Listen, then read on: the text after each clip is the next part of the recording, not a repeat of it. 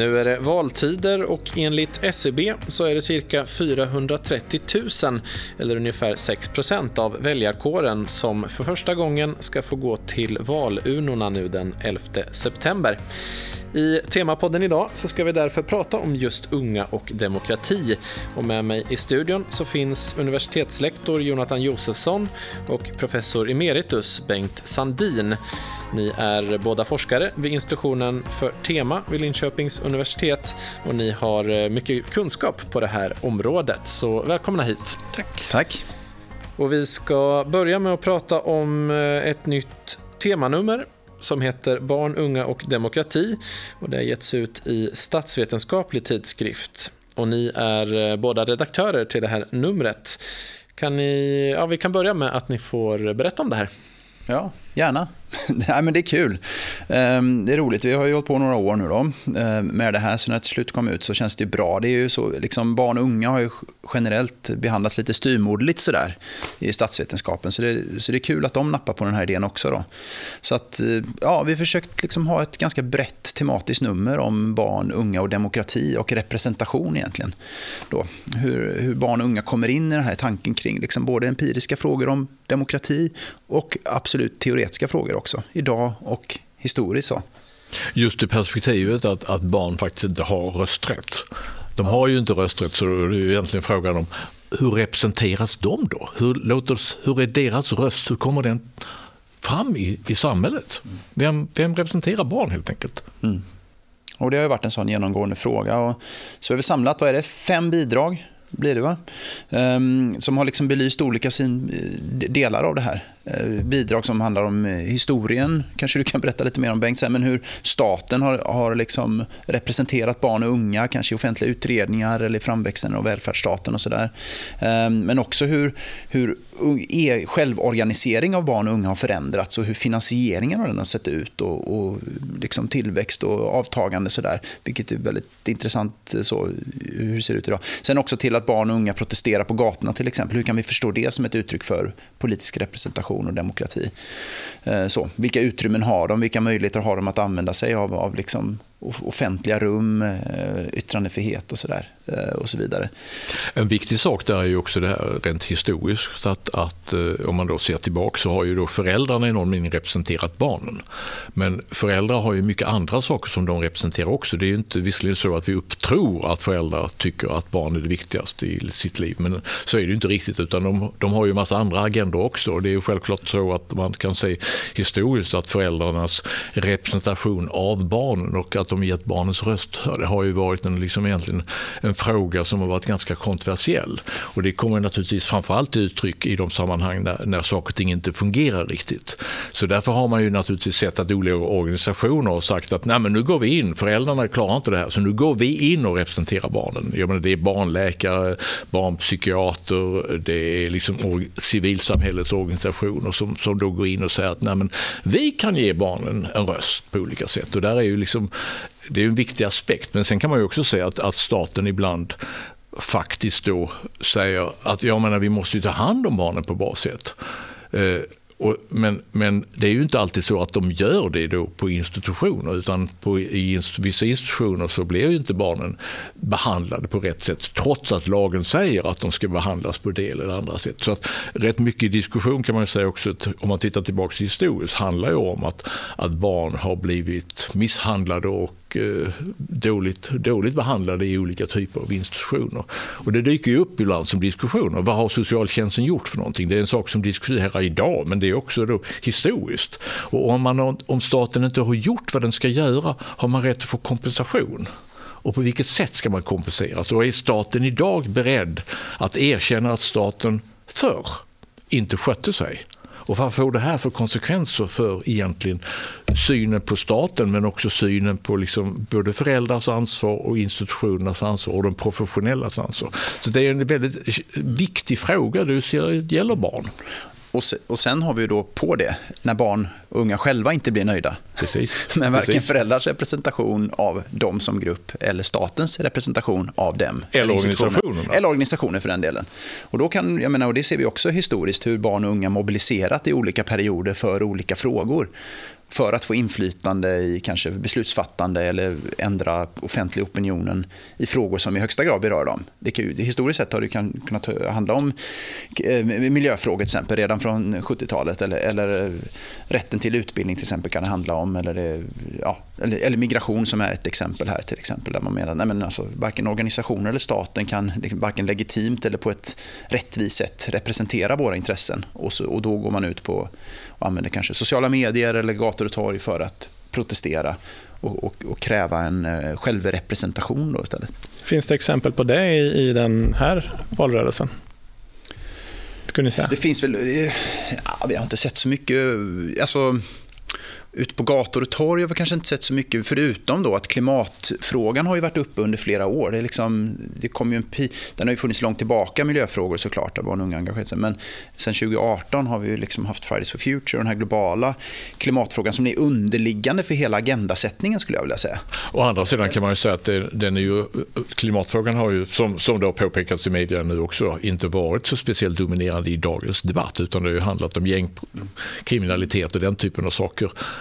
Vilket man kan då fundera på hur, hur de, som har driv, de ungdomar som har drivit den här frågan, hur de uppfattar det och hur de ser på liksom valrörelsen. Så att man kan ju säga att olika frågor kan liksom spegla olika gruppers intressen på olika sätt. Och då kan man fråga, liksom, blir då den rösten representerad? Och framförallt om den rösten är tung för de som är under 18 år, eller är viktig för den gruppen under 18 år, då kan man ju fundera på hur det är liksom, på sikt, eh, liksom, om deras opinioner har blivit representerade i den demokratiska system som vi har nu. Så att det, det sker, men det intressanta med konflikten är ju också att den driver ju då förändring.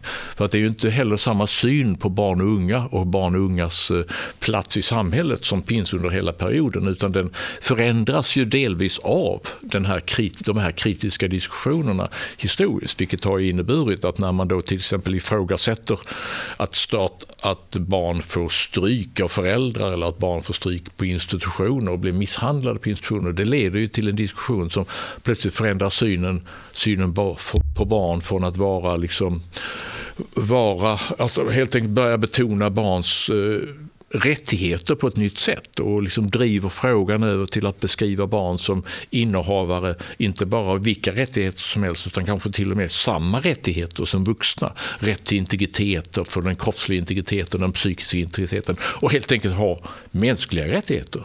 De är inte bara liksom föremål för omsorg utan de har rättigheter som de bär som individer. Så att det här har liksom inneburit en, en, eh, en metamorfos, en förändring. Alltså de här formerna för representation, konflikterna kring representation har inneburit en, en, en metamorfos i synen på barn och unga faktiskt.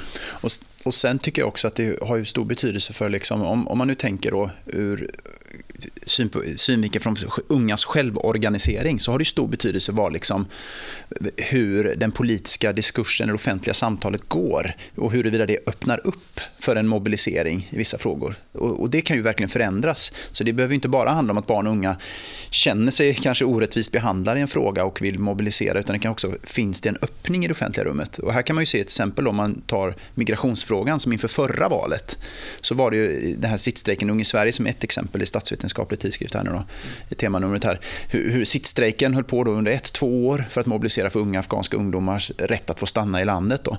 Och det var ju liksom till upptakten till valet 2018 och då fanns det ett utrymme som också handlade om diskussionen efter den så kallade flyktingkrisen eller hö högre antal asylsökande 2015-2016. Då fanns det ett rum, men nu har det utrymmet skulle jag säga krympt. Eh, också för att många av partierna har, har gått ännu mer till höger eller mer restriktiv immigrationspolitik.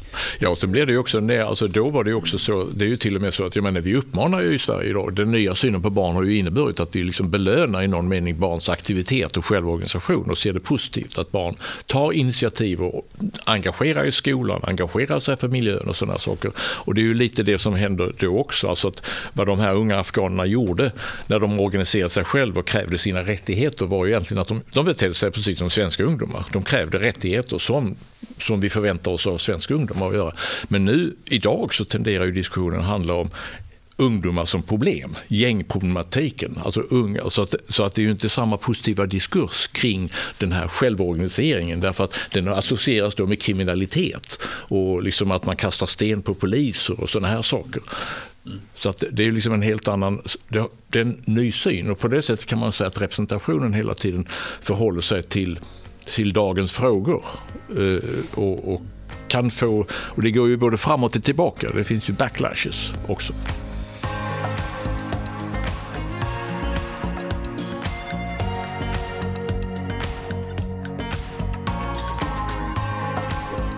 Och det här du säger, att man ser på unga som ett problem, är det någonting man kan se eh, historiskt också, att det har varit liknande tendenser i debatten, eller är det någonting som är helt nytt?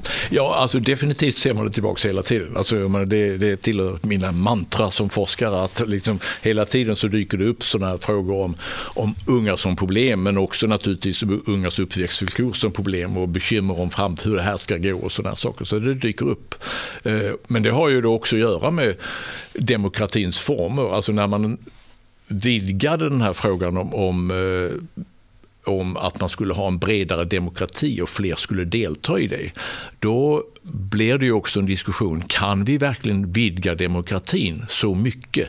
Och kan vi få en demokrati med garantier om fler människor, garantier för det bestående, när fler ska få rösträtt? Och det är ju det som kommer mot slutet på 1800-talet, början på 1900-talet, när rösträttsrörelsen, kampen för rösträtten utvecklas. Och då är det ju liksom väldigt mycket fokus också på, ja okej, okay, vi kanske måste gå med på rösträtt, men kan vi hindra att vissa grupper är med? Och då är, liksom, är det en väldigt tydlig diskussion om vilka som inte ska få med. Och det handlar om allt ifrån naturligtvis från början att kvinnor inte kunde rösta för de var, ja, av olika skäl ansågs inte kunna göra. Men också att de som inte hade betalat skatt skulle inte få lov att rösta. De som inte hade gjort värnplikten skulle inte få lov att rösta. Och så blir det en stor diskussion kring huruvida de som eh, vilka åldersgrupper. Om man nu ska låta fler rösta, kan vi verkligen ha kvar den 21-åriga rösträttsåldern? Och det som är lite unikt i Sverige är att du höjer rösträttsåldern under den här demokratiseringsprocessen. Så att när, när vi då får allmän och lika rösträtt så tenderar ju folk att glömma bort det faktum att då höjer man rösträttsåldern till 23, alltså året efter att du fyllt 23 till andra kammaren och till kommunerna och året efter du fyllt 27 till första kammaren genom landstingsvalen. Det är tekniskt lite knepigt där.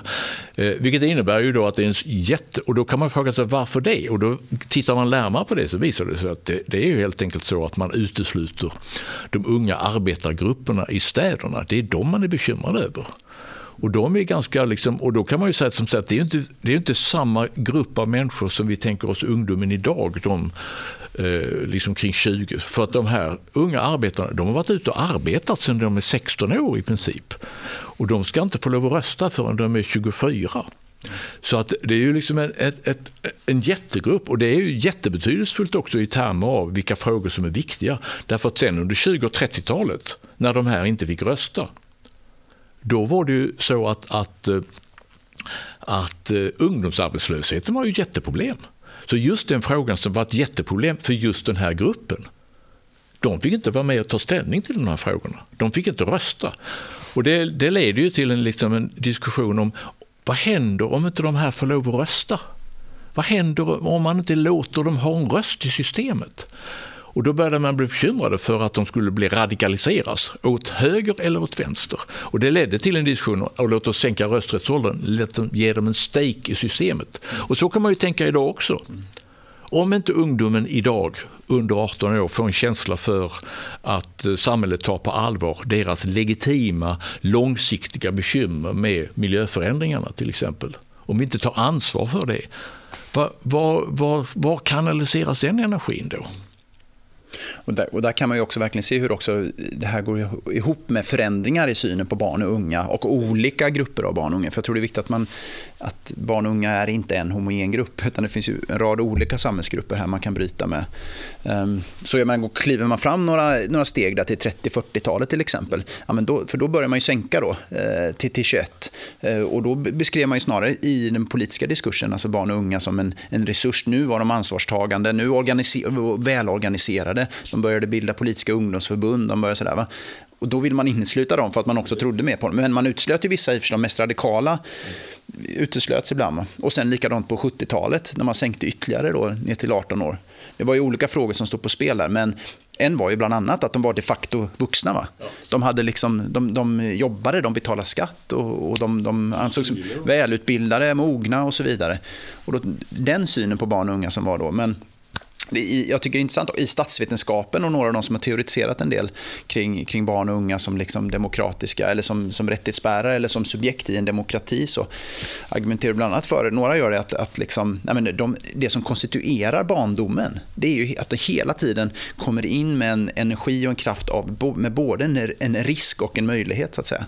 Att, det, att de har den här dubbla kraften, att barndomen har det. Att den återföder demokratin genom att bo, ibland erbjuda liksom, öppningar, möjligheter, den positiva kraften, men också erbjuda en risk till det som finns. Liksom.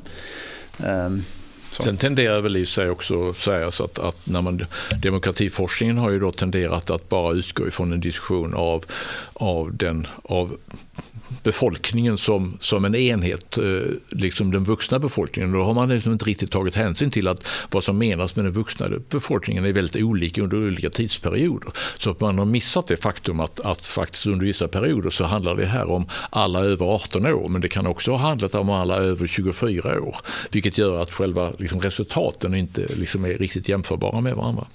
Vi kanske ska säga här att det här som vi nu pratat om, det här med rösträtten och sådana saker, är ett projekt som, som bygger på en, som vi har haft och jobbat med tillsammans med en forskare som heter Fia Sundevall som är, som är docent vid Stockholms universitet i ekonomisk historia och vi har haft ett VR-projekt tillsammans om, om rösträttsbegränsningar där vi har liksom varit lite the party pooper där vi har liksom sagt ja nu har vi firat rösträtten här. Och det är ju fantastiskt och kvinnorna fick rösträtt. Men alla rösträttsbegränsningarna, alla de som uteslöts då. Varför har vi inte diskuterat då? var det verkligen en slutpunkt på demokratiseringen när vi fick allmän och lika rösträtt 1921? Och var det verkligen allmän och lika? Var den lika? Var den allmän? Varför uteslöt man alla de som hade fått fattigvård? Varför uteslöt man de som inte hade betalat skatten? Etc. etc. Det finns en, och varför höjde man rösträttsåldern? Så det har varit... Ja, det, liksom... varit och det som varit intressant med det projektet tycker jag, för det har varit ett, liksom ett, vi har ju varit sex forskare har varit, och Fia har ju varit projektledare då, och sen så vi har studerat just de olika typerna av rösträttsbegränsningar utifrån lite olika kompetenser så. Eh, och där vi har studerat just åldersförändringarna då, debatterna kring det. Men, men det, det, är ju lite det här också, vi har firat det här 100-årsjubileet nu av svensk och allmän, allmän och lika rösträtt och det har varit mycket fanfarer och sånt där. Men vi vill ju skriva mot historia här att vi har idag och har haft rösträttsbegränsningar hela tiden. Så det har varit liksom en, också en, en konstituerande del av demokratin. Att man faktiskt liksom, man inte bara inkluderar utan man exkluderar återkommande delar av befolkningen som, som berörs av politiken.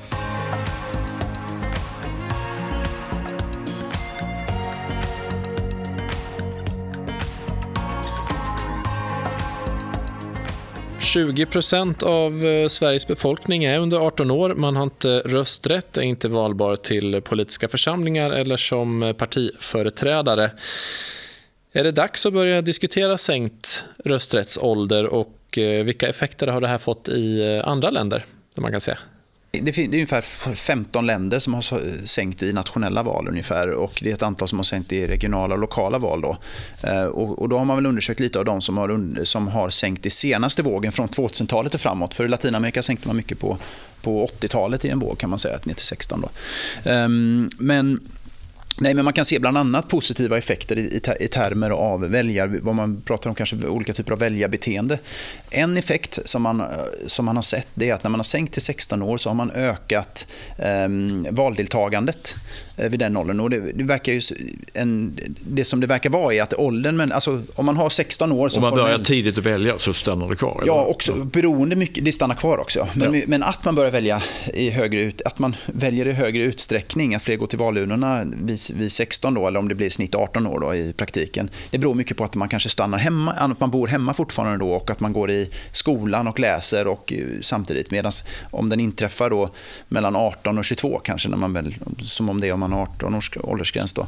Då är man ofta i rörelse kanske. Man är kanske på väg att flytta någonstans. Man kanske är på väg att fixa jobb, familj eller att man håller på väg att plugga och då har man Åtminstone. Så att genom att dels att valdeltagandet ökar i, tidig, i, i, tidigare ålder så sätter man också ett beteende som är positivt längre fram. Så det är en effekt. En annan effekt som man har sett är positiv effekt är att man i ett par av länderna i alla fall är att också så här eh, att man har en större tillit till politiska institutioner kanske.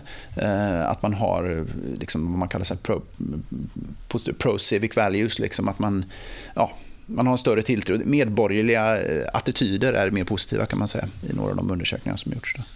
Finns det något negativt? Um, ja, men det, alltså För det här negativ... låter ju ganska positivt. ja, ja, det låter ju rätt positivt. Ja. Nej, men i en del länder har man väl inte sett så mycket skillnad, så kan man väl säga. Att, det, att det, i, några, I några fall så ser man inte så stor effekt på, på det hela. Och Det har ju till exempel inte fått några stora effekter på den politiska utgången, vad man kunnat se. Utan det, man, de har varit ganska jämnt fördelade i de politiska lägren eller så. Eh, men sen kan man ju fråga sig, vill barn och unga själva ha rösträtt? Det tycker jag är en ganska relevant fråga. Eller är det andra som driver de här frågorna? Sen kan man ju då ehm. fråga sig om, om, det, om det är den viktiga frågan. Alltså är det så att du måste, du får bara rösträtt om du vill ha den själv så att säga. Om det är det, eller om man kan ta en normativ utgångspunkt att varje individ ska ha en röst, röst i samhället eftersom de påverkas av de beslut som fattas. Och i så fall har de skyldighet att vara det. Liksom, det finns ju ett annat sätt att tänka på det också, att rösträtten är en skyldighet. I Australien så får du böter om du inte går och röstar till exempel. Så att det, det här är ja, men och, sen, och sen vad som följer med rösträtt, alltså röst, sänka rösträttsåldrar. Ja, men ska man då liksom ändra skyldighetskatalogen också då vad gäller kanske både straff, skatt, eh, lån, eh, ekonomi. Alltså det finns många sådana frågor man skulle ja, egentligen myndighetsåldern åldern. Precis, ålderskategoriseringarna är ju oerhört fundamentala i ett samhälle och de är ju då väldigt, väldigt de, de, är ju inte alltid koordinerade med varandra. Jag menar, du får liksom lära dig döda vid en viss ålder men du får inte lov att köpa sprit. Eh, etc. etc. Och, och liksom, du, du, från 16 års ålder har du rätt att behålla de pengar som du tjänar utan att lämna, behöva lämna dem till dina föräldrar. Före 16 års ålder så är det liksom pengarna du tjänar egentligen dina föräldrars och sådana saker. Så att den här typen av kategoriseringar hänger ju inte alltihop. Och det är lite det som gör också att, att man har varit tveksam i Sverige att sänka rösträttsåldern. För det är hängt upp på den här, ja men då måste vi sänka myndighetsåldern också. Om vi sänker myndighetsåldern, vad får det för konsekvenser? Så att man har liksom inte riktigt orkat med att ta ställning till den här liksom komplexiteten. I vårt noggranna utredningsväsende så, så liksom känns det, har det känts lite för lössläppt att bara säga att vi sänker en grej. Vi måste ju titta över allt, säger man då. Men jag tror, jag tror ett, ett vanligt motargument i alla fall, eh, som, som framförs för att sänka eh, rösträttsåldern, både tror jag i offentligheten, men också eh, alltså i offentlig diskussion, men också inom, kanske inom statsvetenskapen, det är att man tycker att yngre medborgare är för omogna för att kunna, eller irrationella eller inte tillräckligt kompetenta för att fatta den här typen av beslut som kan påverka hela befolkningen och för längre tid framöver. Då. Men, men det brukar ofta bemötas med kanske då från några av de som argumenterar för sänkt rösträttsålder eller kanske att ta bort åldersgränsen helt, vilket är ju också en ytterligare radikalare tanke så att säga. Men, men om man bara stannar det här att sänka den skulle man säga, jo men vilka typer av kompetenskrav ställer vi på den vuxna befolkningen? Och då säger man, nej men vi har ju inga sådana. Utan har du passerat 18 så kan du få vara inom citationstecken hur inkompetent du vill eller hur irrationell som helst. Och vem är i positionen och hur skulle vi kunna liksom bedöma vem som är kompetent och inte kompetent? Hur gör vi det i praktiken? Så skulle vi sätta det på medborgare, vart, eller vuxna medborgare, alltså de över 18, vad skulle det innebära då?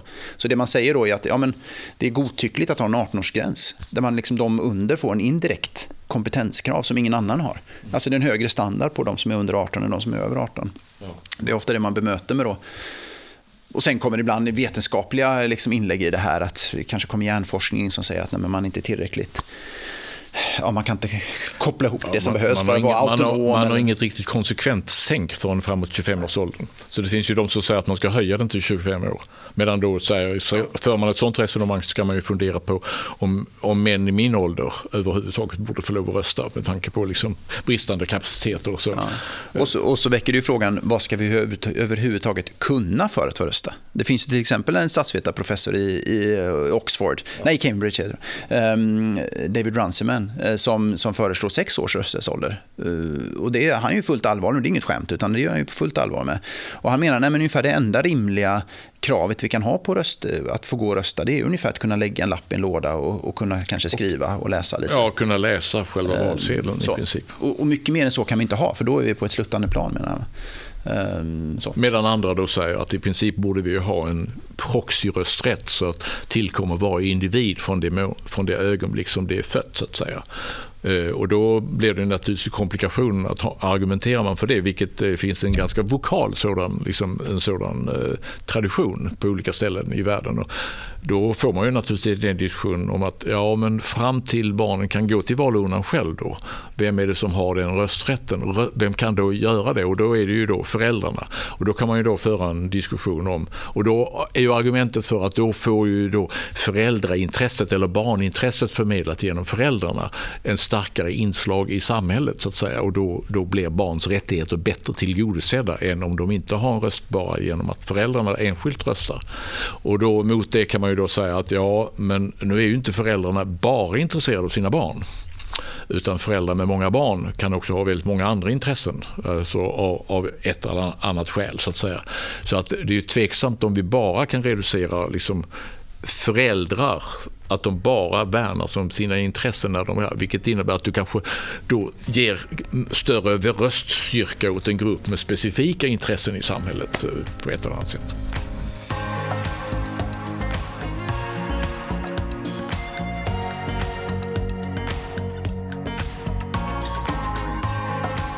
Vi ska snart eh, runda av här, men eh, om ni själva får tycka till nu då. Eh, ska vi ha högre eller lägre rösträttsålder i Sverige? Eller eh, är det bra som det är, tycker ni? Ska du börja? Alltså, nej, men jag, jag, jag, tycker väl kanske så här, om vi pratar 16 års ålder så tycker jag väl kanske att det finns ganska goda skäl för att sänka till 16 år. Det finns inte så mycket starka skäl att inte sänka, så kan jag tycka. Eh, men, men det bygger väl på att det ska finnas, tycker jag, också ett, ett intresse och man måste bland barn och unga själva där. Eh, så, så att vara drivande så att det inte bara är andra som, som tycker att de, för det, just för att det kanske medföljer diskussioner också om, om, eh, om ansvar och skyldigheter och sådär som man får diskutera. Men, men jag tycker väl det finns ganska hyfsat starka skäl i forskningen. Både teoretiska och empiriska för att sänka till 16. Vad säger Bengt? Ja, jag delar helt den hållningen. Jag tror att det finns bättre skäl för att sänka det till 16 än, än, äh, än emot. Så att säga. Och dessutom är det ju så med tanke på att vi har röstning var tredje år. Eller, Eh, så, fjärde. Eller, eller, eller var fjärde höll jag på att säga. Var, var, det, var det rätt nu? Nej, det var inte. Ja, det ändras så mycket historiskt. Det ändras så mycket historiskt. Jag är historiker. Eh, eftersom det var fjärde år så är det ju så att du är, de, huvuddelen av dem kommer ju inte vara 16 år när de röstar. Eh, så att i realiteten tycker jag att det är en bättre, nästan en bättre anpassning till 18-årskriteriet än vad det nuvarande 18-årskriteriet är. Därför att där får de ju också vänta fyra år som bekant. Och hur eh, kommer ni göra nu då den 11 september på söndag från när vi spelar in det här? Kommer ni gå och rösta? Ja, det kan bli poströstning för min eller förtidsröstning. Kan det bli. Mm. Ja, jag tycker jag definitivt gå rösta, utan tvekan. Jag har tänkt mycket på det och diskuterat det mycket med, med min familj på olika sätt. Så att det, det är, inte, det är ju en, en eh, jag bär, bär med mig mina föräldrars eh, allvar inför röstdagen när de klädde sig fina och eh, promenerade iväg till röstlokalen och så. Så att eh, det gör även jag.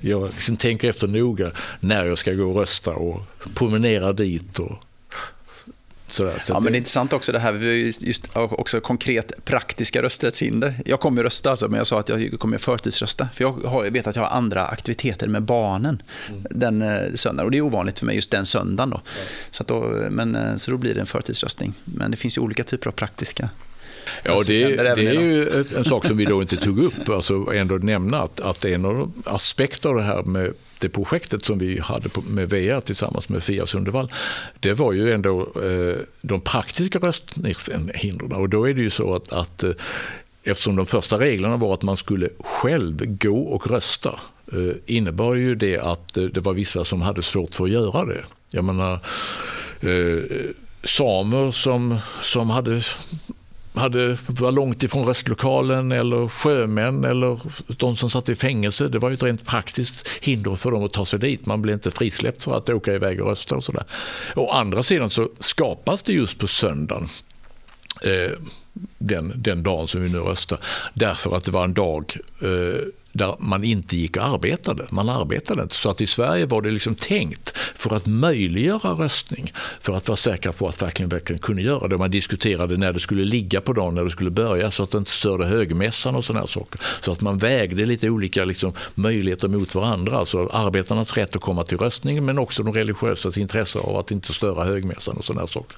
Så att där fanns en sån diskussion. Och då är det ju liksom, men då kan man säga att det är lite den historiska lärdomen. Alltså att ett beslut som var avsett att skapa möjligheter oavsett, därför att man inte tänker igenom det och tyckte det var viktigt nog eh, blev ett hinder för alla, resande folk och, och, folk som flyttade omkring och sånt där som inte hade samma förankring på ett lokalsamhälle. Så att det är liksom en lärdom att alla, alla, alla beslut man fattar inser man inte alltid konsekvenserna av det när de möter den sociala verkligheten. Det kan få andra konsekvenser. Ja, och med de orden så får jag tacka er båda, Bengt och eh, Jonathan, för att ni var med i Temapodden. Tack. Tack. Och vill du veta mer om Jonathan och Bengts forskning så finns det länkar till det i beskrivningen till det här avsnittet. Och vill du lyssna till fler poddar från Linköpings universitet, ja, då hittar du dem på adressen liu.se podcast. Ni har lyssnat på Temapodden och jag heter Per Telaus.